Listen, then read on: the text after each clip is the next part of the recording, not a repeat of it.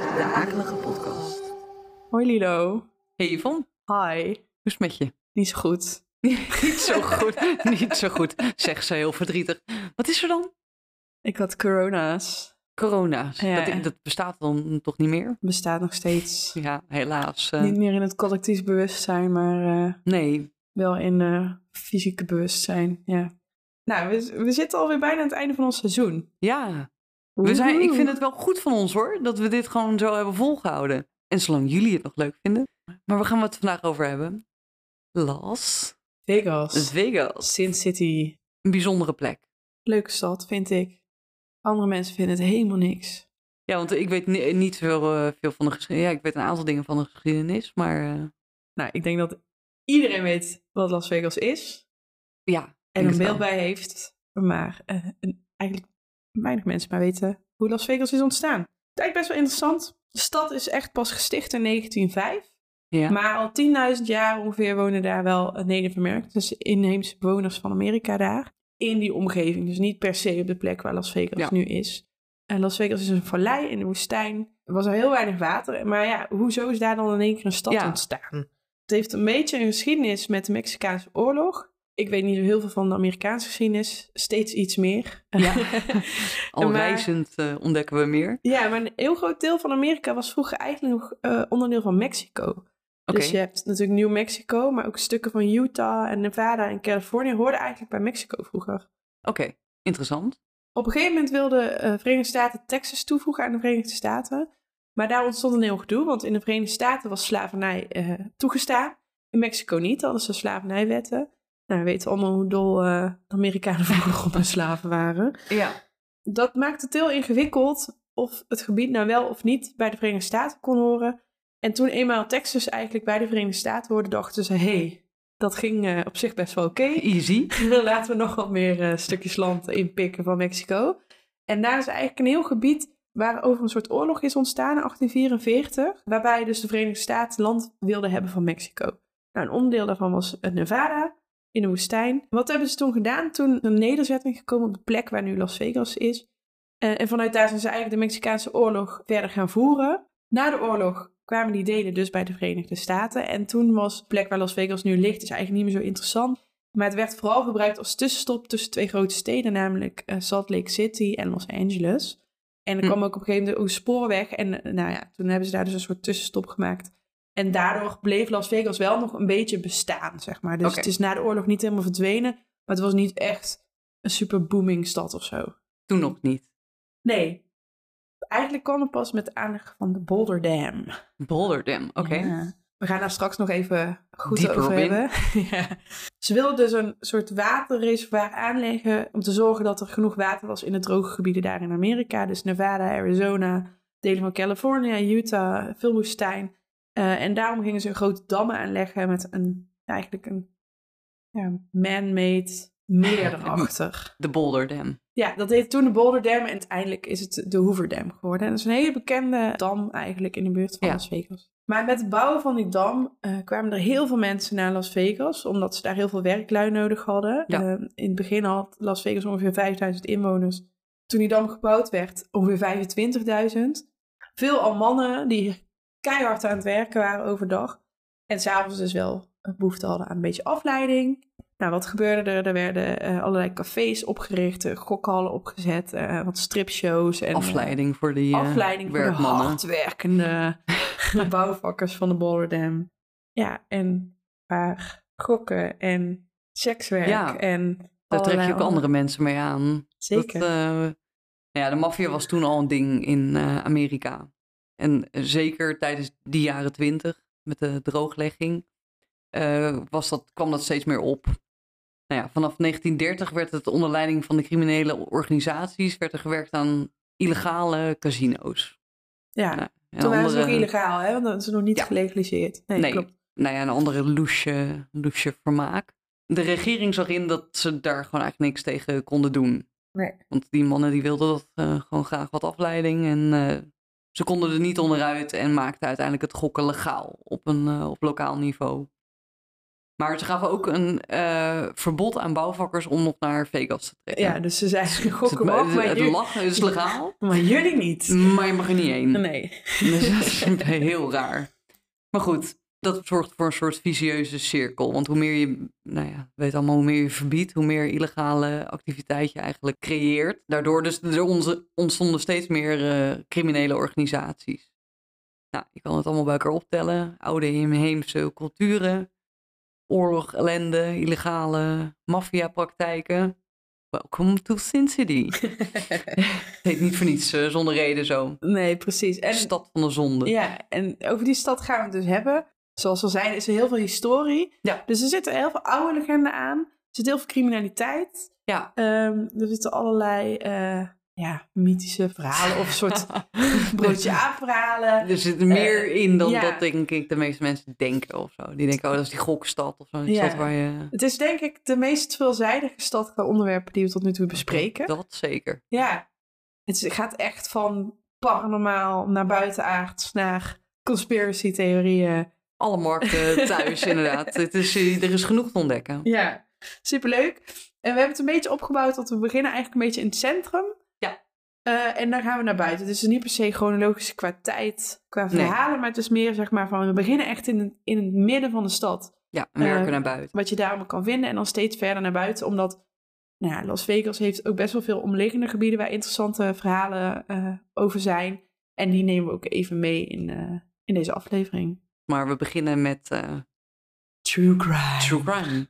Jouw eh, expertise. Nou ja, zoals Lilo net al zei, hè, eh, Las Vegas is echt de stad van de gangsters. De echte De echte gangsters. Nou ja, er zijn een aantal steden in Amerika. Godfather. De, dat soort gang, Ja. gangsters. De Ja, serie die Godfathers. gangsters, ja.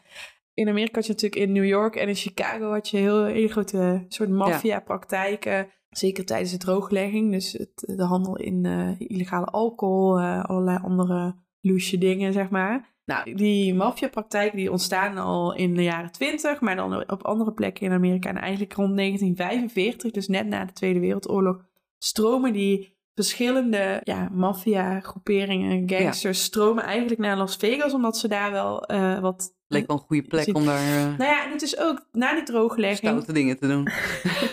maar het is natuurlijk ook zo, na die drooglegging was alcohol weer legaal. Dus daar viel eigenlijk niks meer te halen. Dus wat Nee. ga je dan doen? Dan ga je richten op andere dingen die heel veel geld met zich meebrengen. Nou, waaronder casino's, afpersingen, mensen die daar allemaal dingen doen die niet mogen, zeg maar. Nou, dat is natuurlijk... Het voelde als een soort vrije zone om... eh, Ja, het is echt een speeltuin voor de maffia, Las Ja. Vegas. De groot, eigenlijk de grootste namen uit die wereld van toen, in de jaren 40, zijn eh Meyer Lansky en Bugsy Siegel.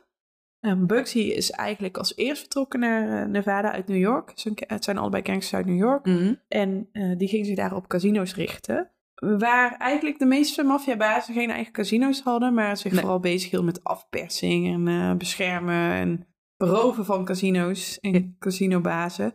Was Bugsy eigenlijk een beetje een uitzondering, want die wilde wel graag zijn eigen casino beginnen. Ik wil het graag in eigen hand houden. Ja, super slim, want wat deed hij? Hij ging allemaal geld leggen bij hele gevaarlijke maffiabazen. En eh, dat investeerde hij in zijn eigen casino, de Flamingo.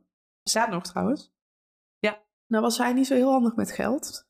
En verduisterde hij ook wat geld. Typisch, Eh, hè? ja, Dikke, en, dikke die- gangster, maar niet handig met geld. en de bouw van dat casino, dat duurde maar en dat duurde maar. En het bleef maar langer duren. En op een gegeven moment gingen die maffiabazen daar ook wel een beetje vraagtekens bij zetten. Die maffiavrienden waar hij al dat geld van had geleend, die zijn bij elkaar gekomen ergens in Cuba. die hadden hem, niet, ja, hadden hem niet uitgenodigd. En eh, dan hadden ze een bijzonder overleg met als uitkomst Bugsy, die moet eraan. Dat eh, Ja, zijn we Het- klaar het mee. duurt te lang. Ja. Dus, eh, Dus die hebben hem om laten leggen in 1947. Nou, na zijn dood bleef de Flamingo nog een poosje in de handen van de maffia. Is Bugsy Siegel niet vermoord in Las Vegas, geloof ik, maar in Beverly Hills. Het casino en hotel bestaat nog steeds, dus je kan daar gewoon nog je heen. kan het gewoon nog bezoeken. Ja, dus als je een bijzonder Ook nog stukje... eh, werkend als casino. Dan.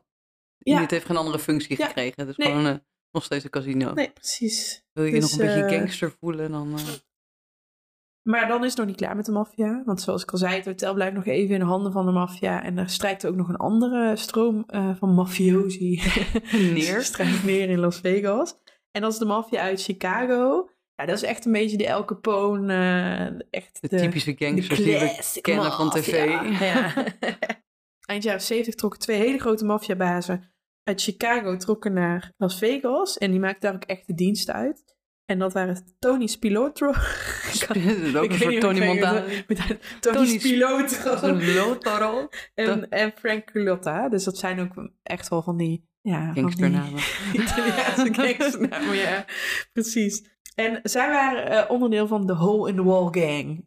Nou, dat is echt, Spannend. Echt maffia, zoals je het bedenkt, zeg maar, in de film. Breken door in gaten. Ja, zij gingen dus, ja, precies. Dus zij, zij Wauw. pleegden overvallen door eh, inderdaad gaten in muren te boren en in eh, plafonds en in vloeren en zo. En dan kwamen ze uit zo'n gat. En dan, Filmster eh. Haalden ze miljoenen uit een bank en daar gingen ze dan mee vandoor. Frank Culotta, die was naast maffiabaas ook in dienst van de FBI. Als een soort dubbelspion. Ja, En die heeft uiteindelijk Spilotro eh, eh, verraden in een deal met de FBI. En eh, eigenlijk vanaf dat moment, begin jaren 80, volgens mij was het in Stortte 1983. macht in. Ja, toen is eigenlijk de hele maffiawereld in, eh, in Vegas een beetje ingestort. Maar het is dus wel een hele, eigenlijk eind jaren 70 tot ongeveer 1983, 84 is een hele belangrijke periode geweest in de maffiageschiedenis in Ja. Las Vegas. Dus daar zijn ook echt heel veel liquidaties, ehm, berovingen, overvallen, hele grote, echt miljoenen overvallen op, op casino's, op banken en zo geweest. Kenmerkende periode van Ja, de maffia in Wij eh, bij Amerika. maffia vaak, ja, je denkt aan twee dingen. hè. Je denkt echt aan de classic film noir maffia eh, Ja. in de jaren twintig. En je denkt inderdaad aan de Scarface maffia jaren tachtig. Nou, di- dit is meer de Scarface eh Maffia. maffia. Ja. Maar dat is de periode waarin dat het meest speelde. ja. Dus Las Vegas heeft uiteindelijk best wel een belangrijke ro- rol gehad van de geschiedenis van de maffia in Amerika. Zeker, ze hebben er zelfs een museum over gemaakt. Zo belangrijk. Nou ja, in Vegas was dus een soort eh, hotspot voor eh, gangsters vanuit eh, allerlei plekken en achtergronden. Ja. Nou ja, uitstek ook wel de plek om dan een museum over deze maffia te gaan maken. De Ja. Mop Museum. Ben je hier geweest? Nee, het is bij het oude centrum, bij Fremont Street. Dus ja. Je hebt eigenlijk twee grote delen van Las Vegas dus- die de mensen kennen. Dat is de, de strip, zeg maar. ja. Met alle grote hotels en casino's. En dan heb je, eh, zeg maar, Old Downtown. En Ja. dat is Fremont Street. En dat is eigenlijk waar Las Vegas een beetje is ontstaan. Dan heb je echt alle oude casino's nog. En daar zit het museum. Ja, daar zit het museum bij. Nou, het eh, museum zit ook in een gebouw wat vroeger werd gebruikt als rechtbank. Ja. Grappig genoeg. een rechtbank en de regering verkocht het uiteindelijk voor 1 dollar aan de stad van Vegas. Voor het symbolisch eh, bedrag. Met de voorwaarde dat het dus een museum zou worden. Maar niet per se dat het een gangstermuseum zou worden. Dat was niet gezegd, nee. maar ja, wat vind, je, wat vind je nou in dit museum? Want gangster, eh, allemaal foto's? Nee, je vindt voornamelijk objecten die te maken hebben met de meest bekende Amerikaanse gangsters en maffia. Een van de meest bijzondere objecten is de St. Valentine's Day Massacre Wall. ja. Dit klinkt heel... dat is een muur, gewoon een stuk muur ja, eh, waar nog kogelgaten in zitten van een heel bekende gebeurtenis uit de maffia-geschiedenis. afschuwelijke naam. Ook een St. Valentine's Day Massacre Wall. Maar dat is, eh, dat is wel een belangrijke eh, Maffia verhaal. ja, maffia-afrekening geweest in Chicago. En daar hebben ze dus een muur waar nog kogels in zitten van die eh liquidaties, Shooting. zeg maar. Die hebben ze daar dus tentoongesteld. Typisch. Nou, wat vind je er nog meer nou alles over de drooglegging, de speakeasies? Ik denk dat de meeste mensen dat ook wel kennen. De, Ja. Ja, want vroeger Eh. mochten ze niet drinken, dus, dus in cafés mocht niet gedronken worden. En dan hadden ze vaak bijvoorbeeld onder een winkel of zo, hadden ze in een kelder... hadden ze- codewoord. Ja, een soort geheime bar waar je dan illegaal gestookte alcohol kon drinken. En daar ging vet veel geld in om, omdat mensen wilden natuurlijk gewoon blijven drinken, maar mocht niet van de regering. Nee, Dus speakeasies. en die Dus werden dus gerund door die gangsters, want die hadden daar, ja, die hadden scheid aan de politie en die dachten eh, lekker veel geld cashen. Want Maar wel een beetje verstopt nog. Dus met een Ja. codewoord dat je er alleen eh, naar binnen kon. Mensen kennen dit misschien wel uit films. Naast de speakeasies, georganiseerde misdaad, gangsters en hoe de FBI hier vooral tegenin ging. Dus eigenlijk de hele, eh, ja, de hele historie van de maffia In Amerika. in Amerika. Ja. Nou, het museum is elke dag open. En voor nou, om en nabij 25 euro heb je een eh, basisticket. Je kan ook heel veel gratis eh, dingen bezoeken in Las Vegas, namelijk alle casino's en hotels kun je gewoon inlopen. Dat, ma- dat is wel Kost echt... niks. Kost niks. Ja, dat- afhankelijk van wat je inzet, kost het je je spaarrekening. Ja, maar, ze willen dat je gokt. Dus je kan gewoon naar binnen lopen Ja. en je kan bij wijze van 2 dollar en dan je, je mag daar gewoon naar binnen. Dus dat is wel heel leuk, want je kan in alle hotels kijken. Want er zijn een aantal eh, casinos en hotels met spookverhalen. Waar je dus gewoon vrijblijvend naar binnen kan lopen om eens te kijken. Helemaal in ons thema gewoon. ja. Nou ja, Circus Circus is dus een van die eh, hotels. ja. Een themahotel ook. Nou ja, we kunnen Ja. raden waar, wat het thema is. Een circus thema. Maar ja, als dat nog niet genoeg was, de naam alleen al. eh, de, het gonster van de spookverhalen. Ja. Nee, een van de bekendste verhalen is misschien dat van kamer 123. Er wordt onder andere van gezegd dat een moeder daar haar kind vermoordde. En daarna zichzelf van het leven beroofde. Mm. Niet echt een hotelkamer waar je zou willen slapen. Maar rondom de kamer worden stemmen waargenomen en vreemde geesten worden gezien in de gang. Er schijnt zelfs ook een soort help me op een badkamerspiegel te zijn verschenen. ja, dat vind ik echt super raar. Als dit echt is, is het, is het super lijp. En dan... Maar kan je niet ook gewoon bijvoorbeeld met vaseline het erop doen? En dat mensen het niet zien. En dat als je dan beslaat bij de volgende bezoeker of zo. Oh, mogelijk. Dit zou een hele sikke eh, eh, Practical joke. practical joke zijn. Inderdaad, om iemand eh, heel erg te laten schrikken. ja. We weten het niet. Misschien, misschien zit het het ingebouwd. idee. Maar ja, wat, wat dit verhaal lastig maakt, is dat niet alle incidenten in de hotels zijn vastgelegd of geregistreerd op een of andere manier. Dus we moeten het doen met de verhalen die mensen vertellen. We houden ervan om het in het midden te laten. Mhm. Maar er schijnt zelfs eigenlijk nooit een kamer 123 geweest te zijn in Circus Circus. Omdat de meeste kamernummers hebben vaak vier getallen. Nou Ja, 123 zijn er drie. Maar goed, de andere verhalen die daarover gaan, over onder andere een verdronken jongen, die schijnt spoken tussen kamers eh, 1203 en 1223. Nou ja, ook die getallen lijken weer bijzonder veel op eh, 123. Ja. Maar ja, is dit een broodje aan verhaal? Hebben die mensen het echt meegemaakt? Dat kunnen we niet eh, hard maken. Maar ik denk dat je er alleen maar zelf heen kan gaan om het te ervaren. Dus hou je van een beetje een bijzondere... Een plek waar in ieder geval een hele hoop bijzondere verhalen over gaan. Maar goed, het, het, het rare is ook dat dit een van de weinige hotels in Amerika is met een dertiende verdieping. ja, bizar. Ja, ze houden er toch nog een soort bijgeloof dat het dertiende, vrijdag dertiende slecht getal ja, maar zie je soms toch ook wel in flats en zo, in hotels? Volgens mij in Azië ook wel dat je Ja. soms een bepaalde verdieping niet hebt, omdat dat een ongeluksgetal ja, is. bizar. Ja, en als mensen er anders gewoon niet willen slapen. Maar hier is die gewoon. Dus Ja. wil je in een hotel eh, slapen waar wel een dertiende verdieping is, dan Circus Circus wordt zelfs eh, tijdens Halloween ook helemaal uitgebuit als spookhuis. Dus Oh, dan komen er ja. allemaal Lachen. spooky dingen. Ja. Ik weet het niet. Ik ben niet zo van de clown circus eh, dingen. Nee. Ongeacht deze verhalen ben ik toch nieuwsgierig. Maar ik zeg het is een... eh, We gaan door. Naar het volgende hotel. Dat Ja. is... De Horseshoe. Heet trouwens pas sinds dit jaar de Horseshoe. Daarvoor Horseshoe. het Ballies. Ballies. Ballies, ja. En daarvoor heet het de MGM Grand. Dat bekt ook niet echt lekker. Ballies. Ballies. Ballies. Maar wat zo bijzonder maakt, is daar heeft zich echt iets gruwelijks afgespeeld. En niet per se een moord of zo, maar wel een ander heel heftig eh, Oh. incident. Namelijk een vet grote hotelbrand. Echt een van de allergrootste hotelbranden die eh, ooit ja. in Amerika hebben plaatsgevonden. Waarbij 85 mensen om het leven zijn gekomen en Oh. heel veel andere mensen gewond zijn geraakt. Die brand ontstond eigenlijk in een gebaksvitrine in het restaurant. Er is een soort eh, elektrische storing of zo. En er is een vonk Ja. ontstaan en daar is een brand ontstaan. En op dat moment waren er ongeveer 5000 bezoekers in het hotel en het casino. Dus eh, zowel gasten in de kamers als eh, bezoekers in het casino die aan het gokken waren. Wat gebeurde daar nou?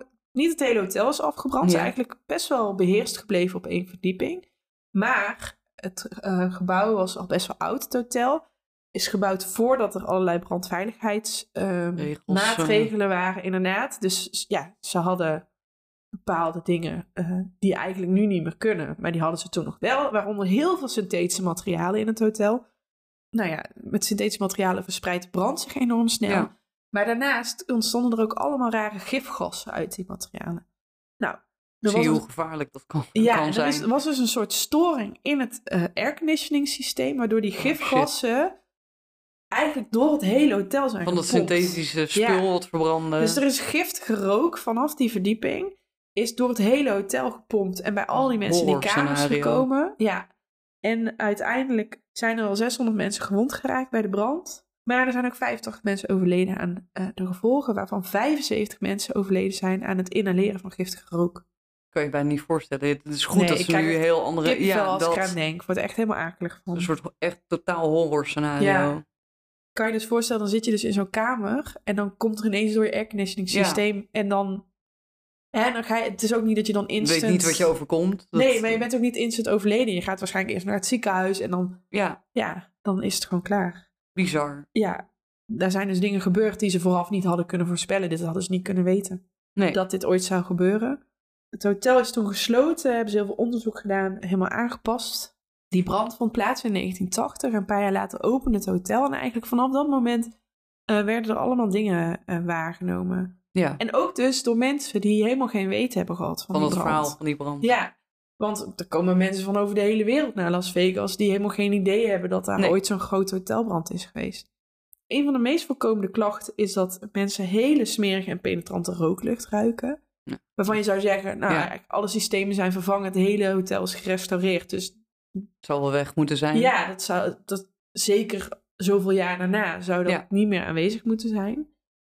Er worden vaak schreeuwende geluiden gehoord in de trappenhuizen, terwijl daar dan helemaal niemand is. Dus ze horen dan Hm. een soort angstschreeuwen. En er zijn meerdere meldingen gedaan van mensen die heel erg aan het hoesten zijn. Of eh, waarvan het leek alsof kleding in brand stond. Dus een soort geestverschijningen die ook weer te maken hebben met brandslachtoffers. Het blijft toch nog een soort energie Ja, dus die in dat meldingen, gebouw. ik, ik vind het toch een beetje dat ik denk, oh ja, misschien zit daar dan toch ja, Ja. een beetje vreemd. Ehm, en er is zelfs een vrouw die een melding heeft gemaakt aan de receptie dat ze zwevende afgehakte voeten zag in haar kamer. Het is heel naar.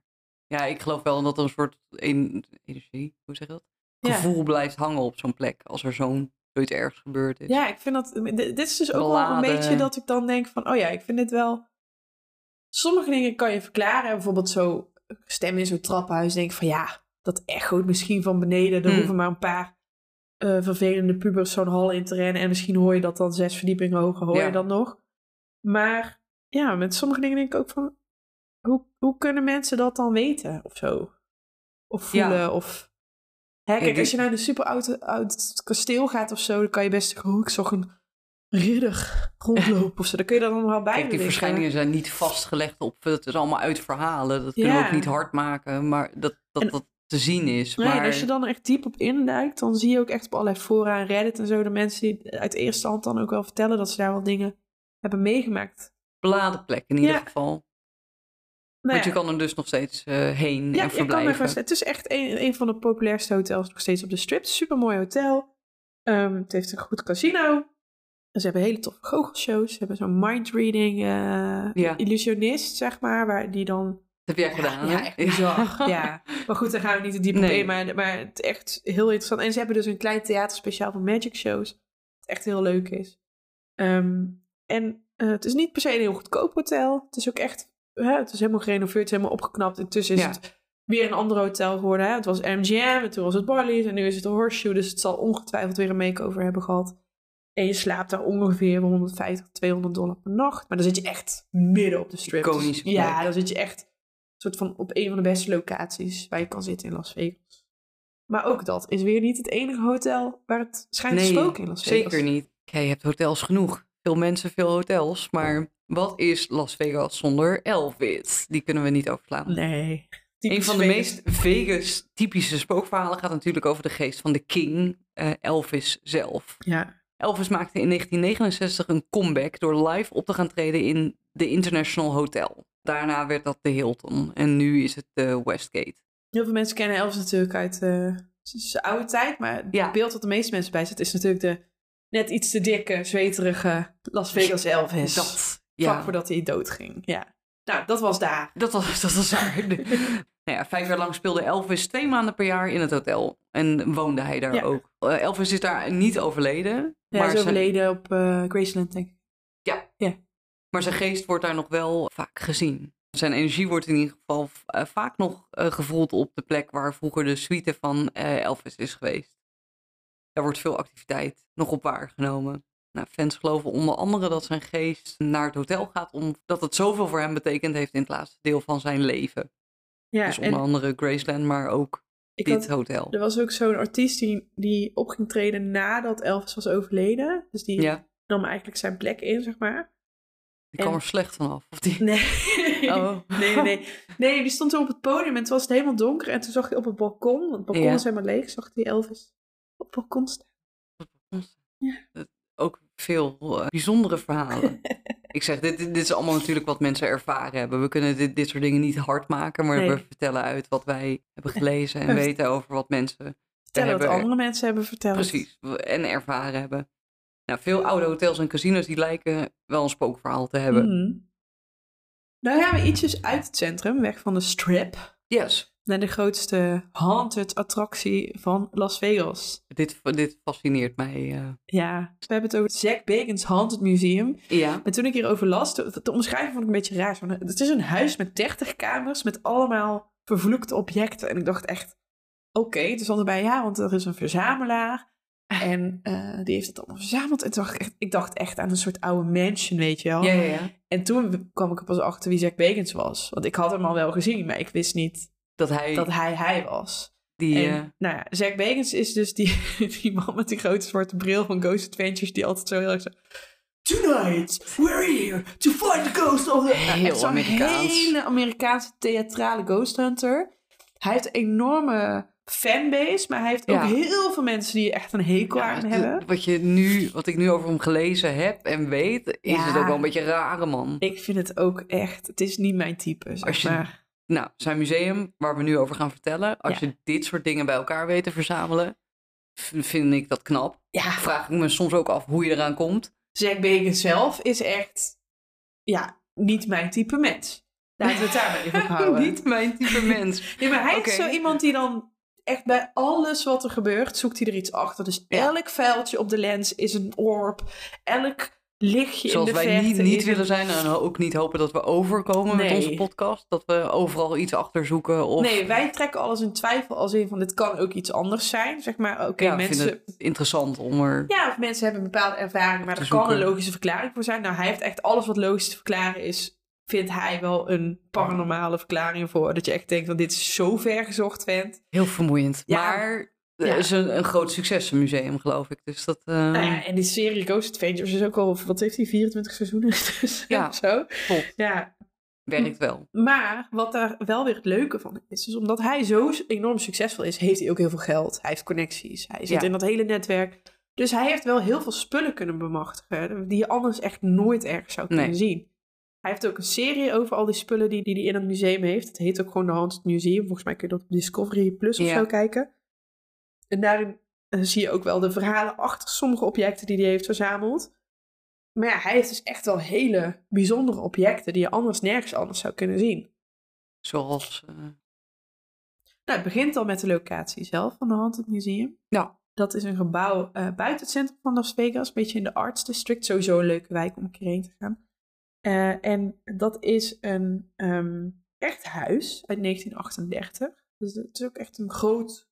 Ja, mansion, een huis. Ja, het is niet... Als je aan een mansion denkt, denk je een beetje aan de Haunted Mansion van Disney. Maar het is gewoon een, echt een groot woonhuis. En een Ja. beetje in een Europese stijl gebouwd, zeg maar. Met een schuin dak en zo. En eh, volgens Zack Bagans werden daar dus vroeger sa- satanistische rituelen uitgevoerd. En heeft het daardoor ook weer een soort beladen energie... waardoor hij dat pand dan gekozen heeft. Ik dacht, ik wil dit hebben. En, eh, ja, nou ja, Gezellig. heb je weer een paar miljoen en dan kunnen we er weer tegenaan. Het is, het is moeilijk om uit te leggen wat er allemaal te zien is, want het is zo ontzettend veel.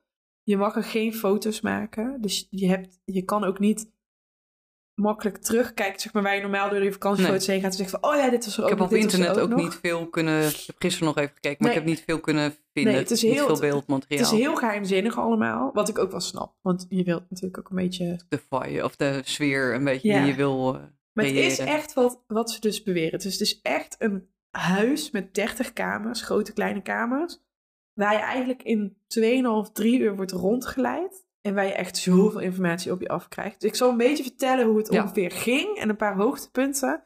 Maar om echt alles te vertellen kan gewoon niet. Dat is niet te doen. Ik weet het ook gewoon niet meer. Het was zoveel.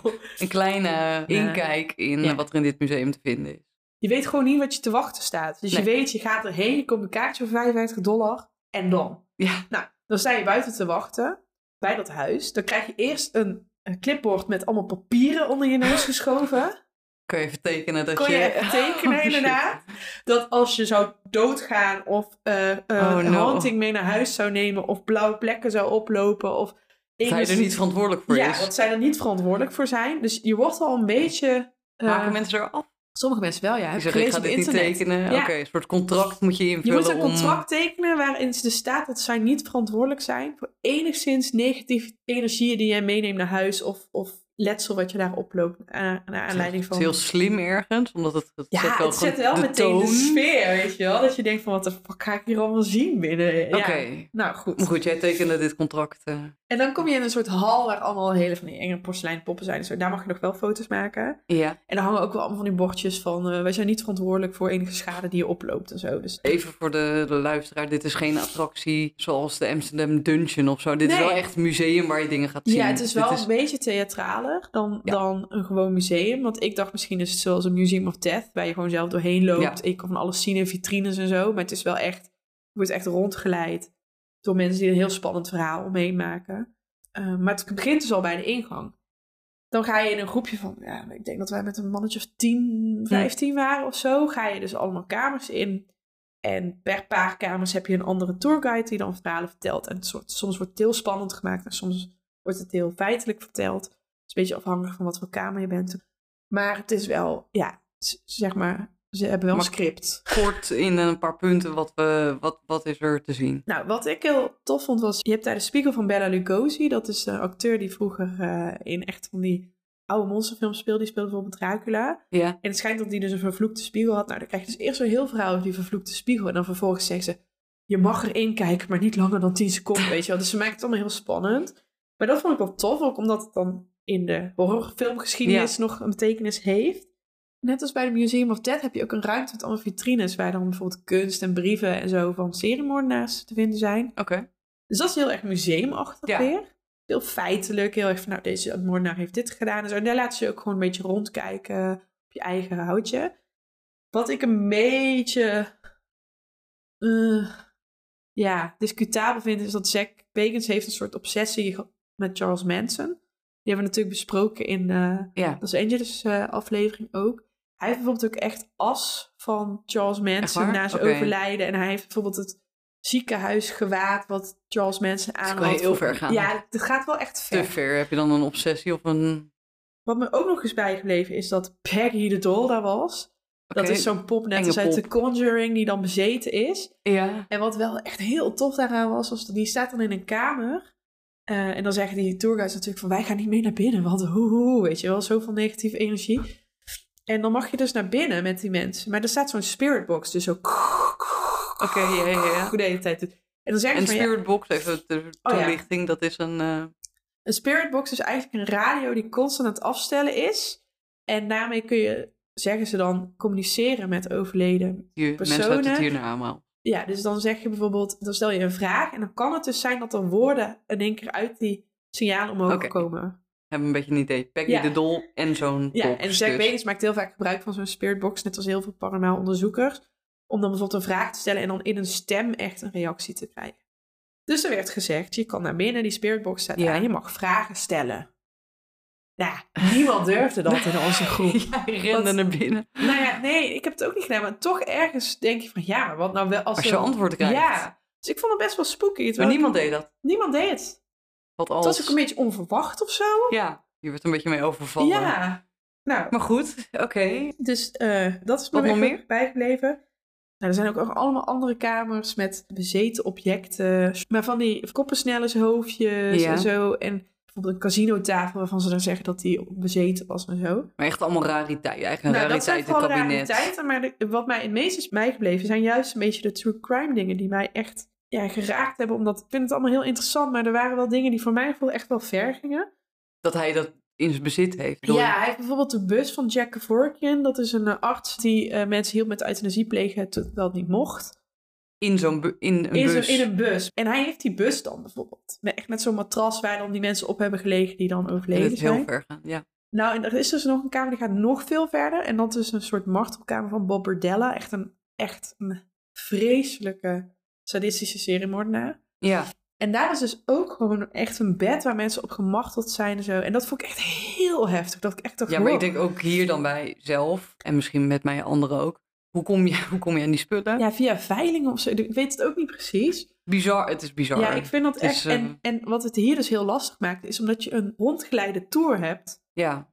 Je gaat overal gewoon naar binnen. Ja, zonder dat je eigenlijk weet wat je te wachten staat. Dus Wordt er een, ja, daar teken je dat contract voor. ja, het- en ze zeggen ook wel van als je het niet oké vindt, kun je naar buiten, weet je wel. Maar, Ja, Of uit die kamer in ieder geval. Maar ja, omdat je niet zo goed weet wat er allemaal te zien is daar. Het Dus is niet echt een museum waar je dus met je kinderen naartoe gaat. Ik sowieso mag je er onder de 14 niet in. Dat is goed om te weten. Ja. En wat me ook nog heel erg is bijgebleven, maar waar ik heel weinig over kan vinden, was een serie, een fotoreeks van Lee Shapiro. Dat is een vrouw die was bezeten door een demon. Ja, En die zie je dan in verschillende Polaroids steeds verder aftakelen binnen een paar dagen.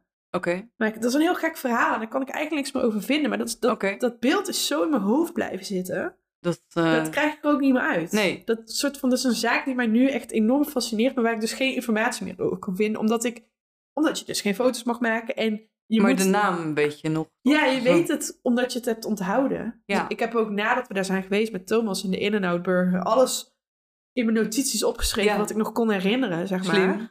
Ik heb ook nog gevraagd aan Thomas wat hij het leukst vond. Leukst of Het bijzonder. meest interessante.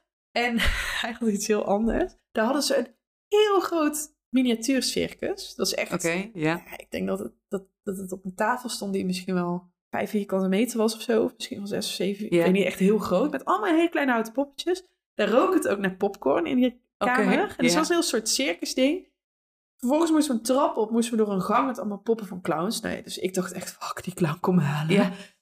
En daarna was er ook nog zo'n soort circus freak artiest die dan van die spijkers in zijn neus slaat en zo. Die was daar ook gewoon ja. echt. En dan kon je dus heel dichtbij staan, Ja. terwijl die allemaal die haken door zijn neus deed. Ja, ik heb daar helemaal niks mee. Nee. Maar dat vond Thomas dus het leukst. Dat hele circusstuk van die miniatuurtjes en die gang Zoals met die vroeger eigenlijk het, het eh, hoe noem je dat, reizende circus. Dan, Een soort freakshow. freakshow, ja. Dat vond Thomas dus echt fantastisch. Ja, ik denk dat ik dit ook wel... eh, Ja. Maar goed, ja, voor ieder wat wil, laten we het zo zeggen. Er is eh, van voor- nou, heel bijzonder rariteitenkabinet. eh Ik denk wel zien. dat het van alle plekken waar ik in mijn leven geweest ben, de grootste verzameling van akelige dingen. Dus als je geïnteresseerd bent in alle duister op aarde en je kan een beetje tegen dat theatrale, hè, een beetje dat sensatie maken en zo, dan is het echt de moeite waard. Een ticket kost 55 dollar, is best wel een investering, Ja. maar het is wel een once in a lifetime. het is wel drie eh, uur vullend eh, Precies. museum. En 55 dollar is dan inclusief eh, belasting, want in Amerika betaal je altijd nog belasting bovenop je kaartprijsje. Ja. Zeg maar. Dat is ook wel weer een mooi bruggetje, want vanuit Zack Bagans Museum kunnen we ook weer naar een andere plek in de buurt van Las Vegas, waar Meer. Zack Bagans ook weer wat mee te maken heeft. Want hij heeft namelijk een special gemaakt over dit meer, over Lake Ja. Mead. En dat heet The Lake of Death. Zal niet zo aangekondigd worden. Nee, dat is dus met Ghost Adventures hebben ze daar onderzoek gedaan. Ja, Maar waar weet het de Lake of Death? Nou, Lake Mead is het dodelijkste national park van heel Amerika. Het dodelijkste. Ja, dus zelfs nog park. erger dan de Grand Canyon, erger dan Yosemite, al die andere parken waar je denkt, daar word je door een beer aangevallen of weet Ja. ik veel wat. Is dit het dodelijkste eigenlijk recreatie-natuurgebied van heel Amerika. Bizar, ook weer. Ja, maar hoe komt het nou? Dat is omdat het dus zoveel water heeft. Dus gemiddeld gaan er ongeveer 25 mensen sowieso dood bij Lake Mead. per jaar. eh, per jaar. Ehm, en dat is eh, los van alle zelfdodingen. Daar hebben ze ook nog best wel veel mee te maken. Die laten we even buiten beschouwing. Maar het gaat Ja. echt om mensen die een Door ongeluk on- of ja, verdrinking om het ja, leven zijn gekomen. Ja. Maar het is ook het recreatiegebied in Amerika met de meeste moorden. Oké. En ja, dat is dan wel weer heel vreemd. Want dat kunnen we niet zomaar verklaren. Nee, het luguber randje. Ja, dat is niet het enige waarom Lake Mead heel luguber is en eh, als Lake of Death is aangeschreven. Want sinds een aantal jaar is door de opwarming van de aarde eh, zakt het waterniveau in Lake Mead. Dus echt een heel stuk gezakt. Ja. En er zijn een aantal gruwelijke vondsten gedaan. Dus er zijn wat eh, lichamen naar boven gekomen eigenlijk in dat Door meer. dat zakken van dat water. Ja, dus, dus lichamen die eerst op de bodem van het meer lagen, of de bodem in ieder geval Ja. onder water lagen, die beginnen nu in één keer omhoog te komen. Dus er zijn in de afgelopen drie jaar zijn er al zes lichamen gevonden waarvan ze niet zo goed weten hoe die daar terecht zijn gekomen. Begin 2022 werd bijvoorbeeld een lichaam in een olievat gevonden in Lake Mead. nou ja, dat is overduidelijk gedumpt. Ja. dat is niet, eh, daar kom je niet per ongeluk terecht. Nee, En waarschijnlijk lag hij al sinds de jaren 70. Het is echt een beetje sinds nooit ontdekt. de tijd van de maffia en de gangsters. Ze gaan daar ook van uit dat het een slachtoffer is van eh, afrekening in het criminele circuit. Dus dat het ook echt iets te maken heeft met de maffia in Las Ja. Vegas. En na deze vondst werden nog vijf lichamen gevonden. Maar die hebben niet, zijn niet per se vermoord. Hebben ook niets te maken met het lichaam met het olievat. Het zijn gewoon andere lichamen. Alleen het lastige is dat het heel moeilijk te duiden is waar die mensen nou aan zijn overleden. Dus het kan wel zijn dat ze bijvoorbeeld vermoord zijn. Omdat ze al zo lang in het water liggen. Precies, dus het is heel moeilijk te onderzoeken van wie zijn dit, Eh waar zijn ze aan overleden. Nou, één ding is wel duidelijk, er is één lichaam gevonden van iemand die eh, vermist is geraakt op het water, dus die is waarschijnlijk verdronken. Ja. Maar er wordt nog steeds onderzoek gedaan naar waar deze lichamen vandaan komen. En dat zijn dus in een paar jaar tijd al zes lichamen die Ja, zomaar naar zegt, boven wie zijn zegt wat er nog meer naar boven komt. Ja. inderdaad. Maar ja, het heeft daar dus wel een hele lugubere naam gekregen in de omgeving. Maar nog steeds wel, wordt het gebruikt als wel recreatiegebied. Ja, Ondanks deze macabere ontdekkingen. Nou, forensische experts denken dat er wel, misschien wel honderden lichamen daar liggen. Dat is op zich niet gek, want het, Groot ja, meer. het is niet gek. Het is, natuurlijk is het gek dat er heel veel lichamen in een meer liggen. Het is een groot maar meer. het is een heel groot meer. Dus het is 740 vierkante kilometer groot. Ja. Dus het is echt enorm oppervlakte. Maar dan nog blijft het natuurlijk best wel bizar dat er zo van boven komt. Ja, Eh, nou, naast die skeletten lichamen eh, ligt er een Boeing. De vliegtuig. Van, ja, een vliegtuig. Er ligt nog een vliegtuig en er is ook nog een eh, boot eh, eh, naar boven gekomen. Dus het Oké, is allemaal met het opdrogen van het meer is dat naar boven gekomen. En het meest bijzondere wat op de bodem van het meer... Bodem, ja, is het de bodem? Wat is de bodem? beneden het water. wat er in het meer lag, was een dorpje. een heel dorp. St. Thomas. Dat dorp bestond al toen eh Lake Mead werd aangelegd. Maar toen ging het water juist stijgen. Dus Ja. met aanleggen van het meer en bouwen van de Hoover Dam ging het water hoger, hoger, hoger. Moesten de mensen van St. Thomas geëvacueerd worden. Er wonen een paar honderd man. En uiteindelijk is dat dorp helemaal onder water komen te staan. Maar doordat het water weer aan het zakken is, Tot nu, ja. is het dorp weer eens voor een deel bloot komen te liggen. Het is niet echt een heel dorp, het is geen Atlantis of zo, maar er zijn nog wat fundamenten te Ja. zien en er staan nu ook wat borden bij die uitleggen wat er vroeger gestaan heeft. Dus daar kun je ook nog heen als je soort verzonken dorpje wil zien. En dat is ongeveer anderhalf uur rijden van Las Vegas, zoiets. Dus op zich eh, Te doen. het ligt aan de noordkant van Lake Mead. Ja. Dus bijzondere vondsten in Lake Mead Zeker. maakt het een, spookachtige omgeving. En dat is ook de reden waarom Zack Bagans daar met de Coast Adventures heen ging. Omdat ze zeiden van ja, daar is zoveel dood en verderf, zeg maar, in die omgeving. Wat dus zorgt voor een soort optimale paranormale activiteiten. En in die special gaat het ook over de Hoover Dam. Lake Mead aan, want dat is de dam die het meer tegenhoudt. En Ja. daar weet jij weer wat meer over. Klopt. Ja, zoals we eerder al zeiden, heeft Las Vegas eigenlijk zijn hele bestaan te danken aan het, de bouw van deze Hoover Dam. Ja, Tijdens de bouw van deze dam zijn er eh, 112 bouwvakkers overleden. ietsje. Best een hele hoop. Er zijn ook zelfs verhalen dat deze bouwvakkers in het beton van de dam zijn gevallen en daar dus nu voor eeuwig gevangen zitten. Kunnen we niet hard maken, maar bizar eh, om dat eh, te bedenken. Dat er mensen in de dam zitten vereeuwigd. Mhm. Nou ja, het schijnt erop dat Dam, dat er heel veel paranormale activiteit wordt waargenomen. Op zich niet raar als je het zo hoort. Nee, 112 mensen alleen al overleden. Maar ja, goed. Van eh cold spots tot onverklaarbare flikkerende lichten en meerdere waarnemingen van verschillende energieën. Nou, een van de meest bizarre theorieën over de Hoover Dam is dat het, het een enorm monument is voor Satan.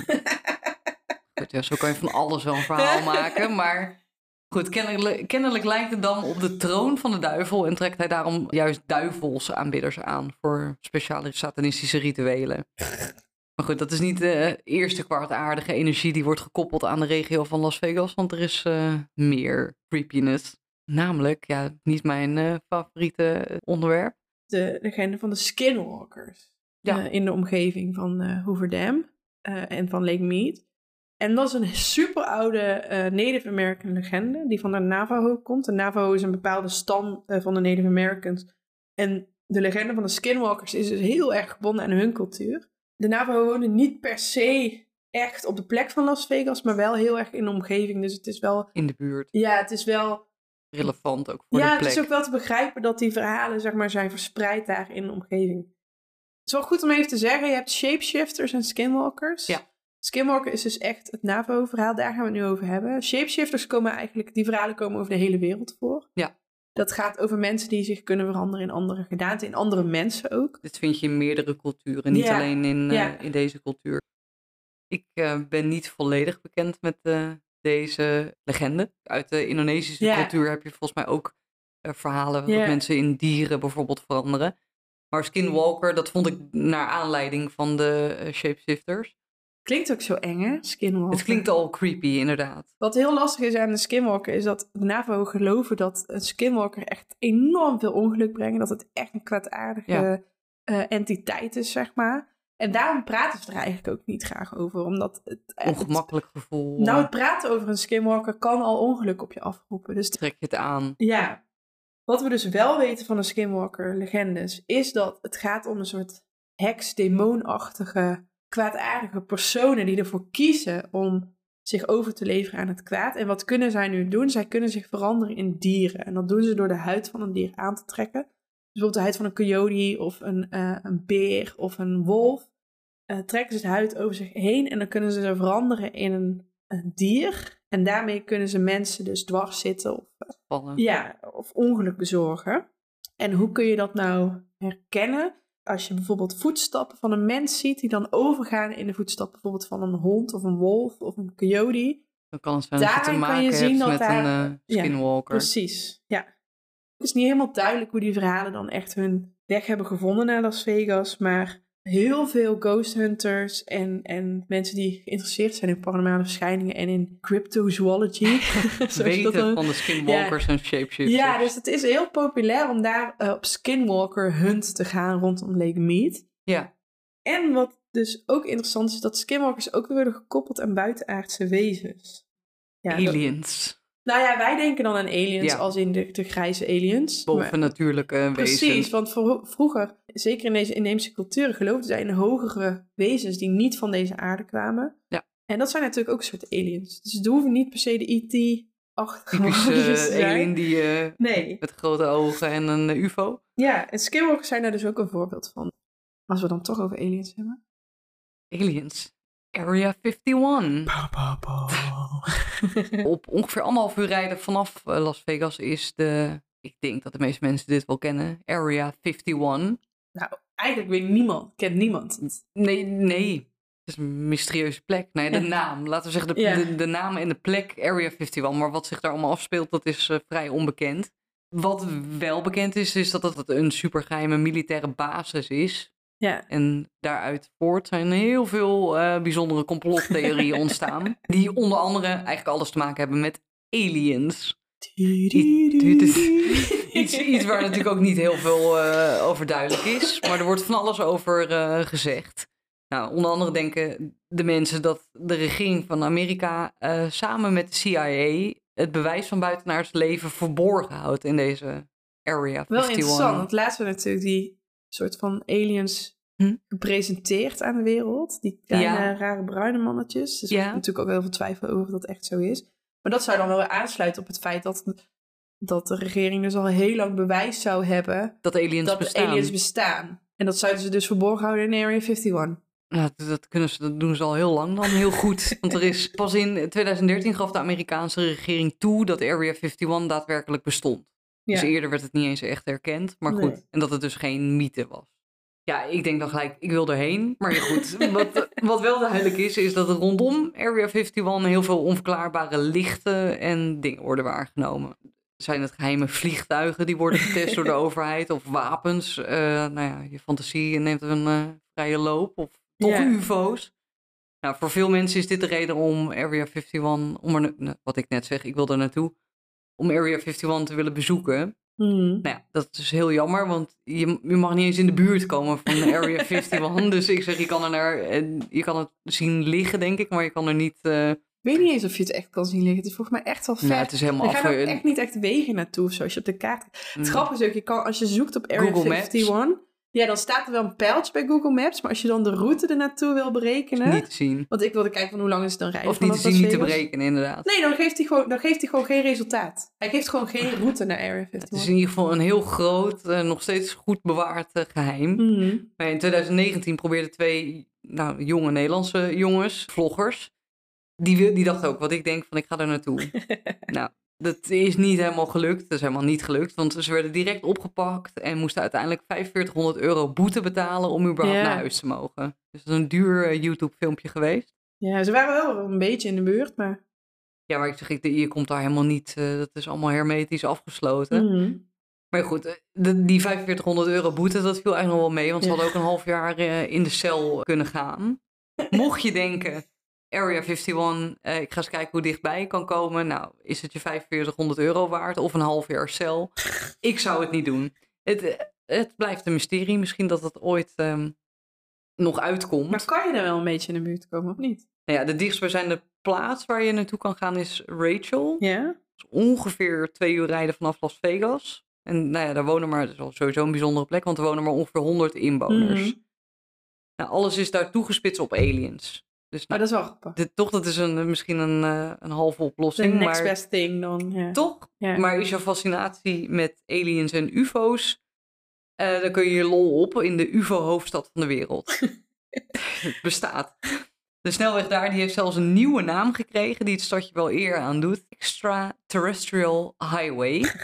nou, klinkt in ieder geval leuker dan Highway eh, 375. Maar goed, en ook het lokale restaurant is een eh, leuke speling op het hele ufo gebeuren. Dat is, het heet Little Alien. Wat creatief. Nou goed, ben je UFO-freak, dan ehm, kan je helaas niet op Area 51, maar je kan wel in de buurt, is er genoeg eh, Ja, er is genoeg te, Alien, te zoeken eh, daar. fun te beleven.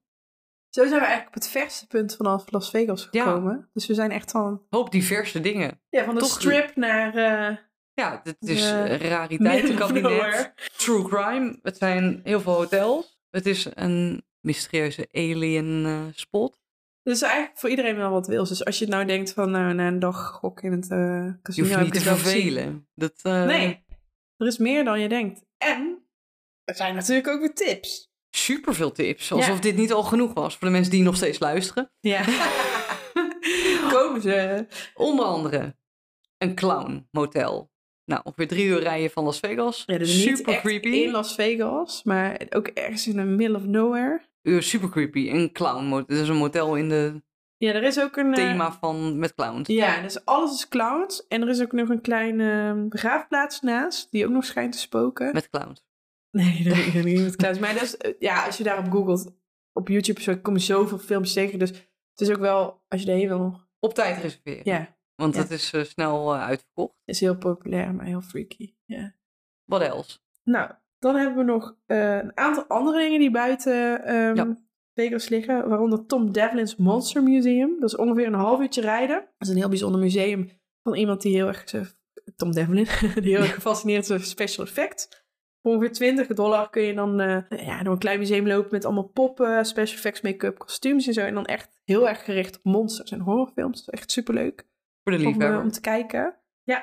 En je hebt nog Coffinwood Pahrump. Als je van Vegas ongeveer anderhalf uur naar Death Valley rijdt, dan kom je bij Pahrump uit. Dan heb je een bijzondere collectie van doodskisten en lijkwagens.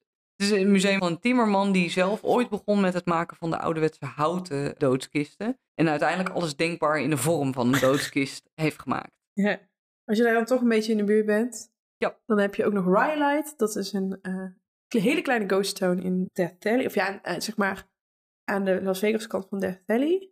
Ehm, daar zijn Thomas en ik wel even doorheen gereden. Het is echt heel klein, maar het is wel echt nog authentiek. Dus de, de- Verlaten stadje. ja, dus de resten die daar staan, is hebben we nog een stukje van het treinstation en wat oude huisjes. En dat is wel leuk. Dus het is een heel kort stukje rijden. Eigenlijk is ook wel leuk als je even naar Death Valley wil. En een er verlaten ja. stadje wil zien. Ja, ook weer ongeveer anderhalf uur rijden. En er staat hele interessante kunst. Ik zal, zal het wel even een foto delen op eh, Instagram. Bijvoorbeeld van een soort, ja, het lijkt een soort spoken. Het is een beetje alsof je een, een doek over iemand hebt hangen, maar er zit niemand in. Oh, ja, alleen ja, de ja. vorm van het doek, zeg maar. Daarnaast heb je nog een, een ghost town. Dat is aan de andere kant van Vegas. En, en dat heet Nelson's Ghost Town. Nou, dat is weer het klassieke spookstadje, zoals Mhm. de meeste mensen zich dat eh, kunnen voorstellen. Hier zijn de meeste gebouwen deels gerestaureerd. Dus niet in de helemaal oorspronkelijk verlaten staat. Ja. Niet minder interessant. Ja. Het is in ieder geval een hele fotogenieke omgeving. En je kunt er voor 15 euro heb je er een eh, leuke tour eh, doorheen. Ja. En als je daar dan ook nog foto's wil maken, daar wordt dan wel extra voor gerekend. Dan betaal je nog 10 euro, eh 10 dollar extra om eh, daar ook te mogen fotograferen. Een aanrader voor een. Hebben we eh, eigenlijk nog wel tijd voor een freaky feitje?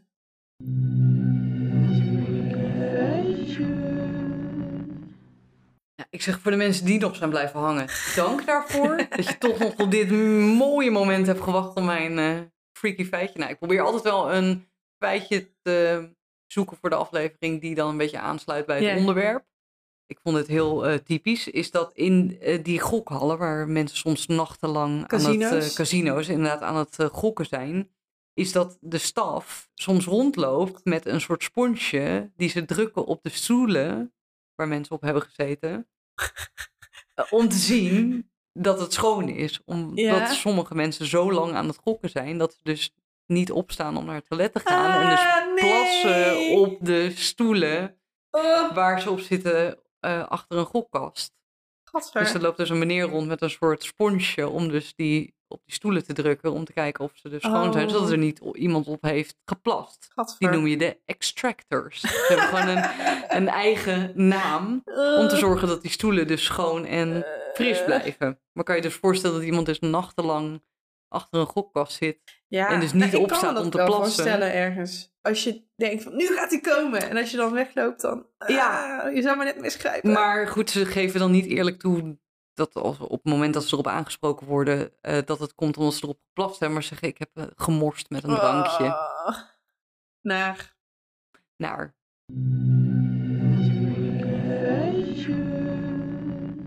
Nou, dankjewel voor deze Dat hele weer. lange zit. Dit was een hele lange zit. Ja. Deze stad valt niet in één eh, zin samen te vatten. Nee, het is dus, ondanks dat de stad heel jong is, een stad met echt belangrijke historische gebeurtenissen. En het is niet gewoon... alleen gokken, niet alleen wat de, denk ik, het de stereotype beeld wat de meeste mensen ervan kunnen hebben. Het is wel meer dan dat. Maar het is wel inderdaad, als je dan al met al kijkt, het is wel een stad waar alles gebeurt wat God verboden heeft. Ja.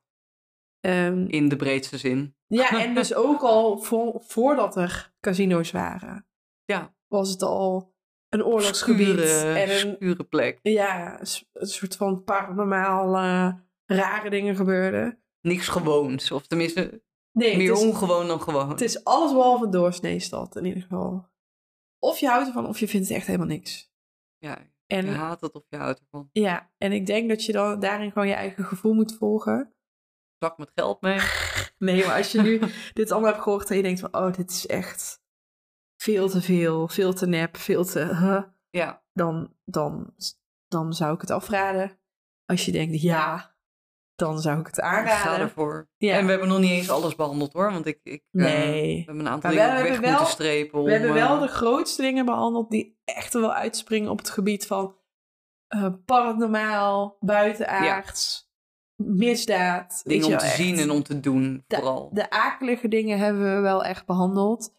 En eh, ja, Wat eh, volgende keer? Is de volgende aflevering al bekend? Utrecht. Utrecht, we gaan weer dichter bij huis. Ga lekker naar Utrecht. Zo. Utrecht. Ja. Ook hier zijn hele spannende dingen. Ja, eh, We doen, eh, te hier- vinden. hierna doen we een tweedelige reeks. Eén gaat echt over Utrecht, Utrecht, Ja. over de stad. En de andere gaat meer om de, over de randgebieden en bijvoorbeeld Ja. ook eh, hoe de heksenvervolgingen zijn geweest in de omgeving van Utrecht. Er zijn natuurlijk een hele provincie meer. meer provincie, eh, een rechtstreekse omgeving van de stad. Dus dan ga, ga- heb je het inderdaad meer over eh Oudewater, Woerden, eh Ja. Haarzuilens, dat soort Iets eh, dichter bij huis. Superleuk. Hebben jullie daar nog tips over? Laat ons weten. Laat het ons weten. De eh, uitzending van Utrecht is best wel gevuld al. Maar als je nou echt denkt van, die kan je niet missen, dan dit, dit weten jullie niet. En laat ons weten. toe. Eh, Alles mag hoor. Ook ja. gewoon voor andere afleveringen willen we, vinden we het leuk om nog steeds tips je- te ontvangen. Ja, of heb je eigen ervaringen in Utrecht die je met ons wilt delen? Dat je denkt van, ik heb daar echt iets heel raars meegemaakt. En Misschien kom, niet. kom je wel in de aflevering. yes, leuk. Wordt ver- eh, vervolgd. Ja, en dat is een aflevering 12 en 13. En dat, dan hebben we al één seizoen erop Sluiten we het jaar af. Ja, want het, is Ja. al, het wordt al kouder, donkerder. En eh Ja. gaan we ons klaarmaken voor een nieuw seizoen, een nieuw jaar. Heel leuk. Als jullie daar nog tips voor hebben, dan horen we het ook heel graag. Volg ons op social media. Ja. Laat ons weten wat je ervan vindt. sterren op Spotify, want dan komen we Ja. ook wat hoger in de rangorde. En, eh, Ja, superleuk. Deel met leuk mensen. En we krijgen ook feedback binnen over dingen die we beter kunnen doen. Dus ook prima. Ook over hoe we ons Graag. geluid beter kunnen doen. Ja. Of, of andere dingen. Dus eh, we staan overal open voor.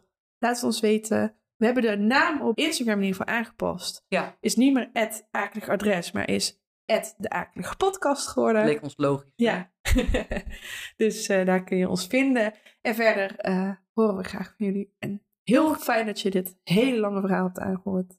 Dank voor jullie geduld. Tot de volgende. Tot een volgende. Doei doei. Doei.